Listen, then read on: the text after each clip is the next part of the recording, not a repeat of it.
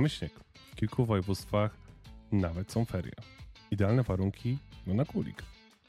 Pochodzę ze wsi, a jak wiadomo, na wioskach pojęcie bezpieczeństwa jest trochę inne, mniej restrykcyjne, aż cud, że żyje. I czym te dwa tematy się łączą? Kuligiem.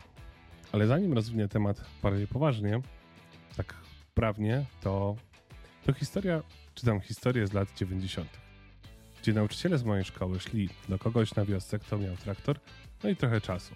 Po co? By zorganizował dla uczniów kulik. I wtedy zapinało się sanki do traktora jednym ciągiem. Ile ich mogło być? Zwykle były to dwie klasy, po powiedzmy 20 osób. Część jechała pojedynczo, część po dwie osoby. Czyli mając mniej więcej 40 osób, dzieląc je na półtora osoby na sanki, wychodzi jakieś 26. Plus nauczyciele, czyli pewnie około 30 sanek. I tak się jechało fantastycznie przez wioskę. Od czasu do czasu część sanek się, no, wywracała. A ci na końcu praktycznie każdy zakręt kończyli w rowie czy krzakach. No I było fajnie. A w weekend? Też był kulik, tyle że bardziej indywidualnie. Jedna, dwie, czasem może trzy sztuki sanek podpięte do samochodu. Tak, samochodu. W taki sposób, że kierowca nie miał szans widzieć, co dzieje się za nim. Ja na szczęście żyję, ale z perspektywy czasu wiem, że nie było to ani bezpieczne, ani rozsądne. Dobra, a jak to jest tak prawnie? Można organizować taki kulik? Tak, można, ale trzeba spełnić pewne wymogi.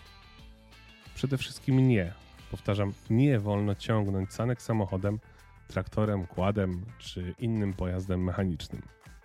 Co za to grozi? Jeśli złapie nas policja, to możemy dostać mandat w wysokości 500 zł i 5 punktów karnych. Ale jeśli w trakcie takiej imprezy komuś coś się stanie, to sankcje są znacznie większe. Możemy dostać nawet 8 lat więzienia. To oczywiście wszystko dotyczy sytuacji, kiedy kulik robimy na drogach publicznych. A kiedy on jest legalny na drodze? Kiedy pojazd mechaniczny zastąpimy koniem albo parą koni. I taka ciekawostka, bardziej dla tych e, z miasta. Wiecie, że nawet jeśli dwa konie są tej samej płci, to dalej jest to para?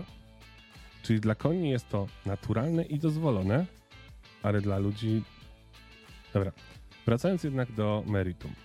Taki zaprzęg musi spełniać kilka wymagań. Czyli można używać tylko zwierząt niepłochliwych, odpowiednio sprawnych fizycznie i dających sobą kierować. A kierujący pojazdem zaprzęgowym jest obowiązany utrzymywać pojazd i zaprzęg w takim stanie, aby mógł nad nim panować. No tak. Dodatkowo w jednej kolumnie może poruszać się pięć takich pojazdów zaprzęgowych, a odległość pomiędzy kolumnami nie może być mniejsza niż 200 metrów. Dodatkowo każdy pojazd na płozach wyposażony musi być dzwonki lub grzechotki. Czyli trzeba powiedzieć sobie wprost, nie są to zwykłe sanki, a odpowiednio przygotowane pojazdy zaprzęgowe. Więc co nam zostaje? Jechać w góry i korzystać z profesjonalnych usług opłacanych dudkami. Bezpiecznej zabawy.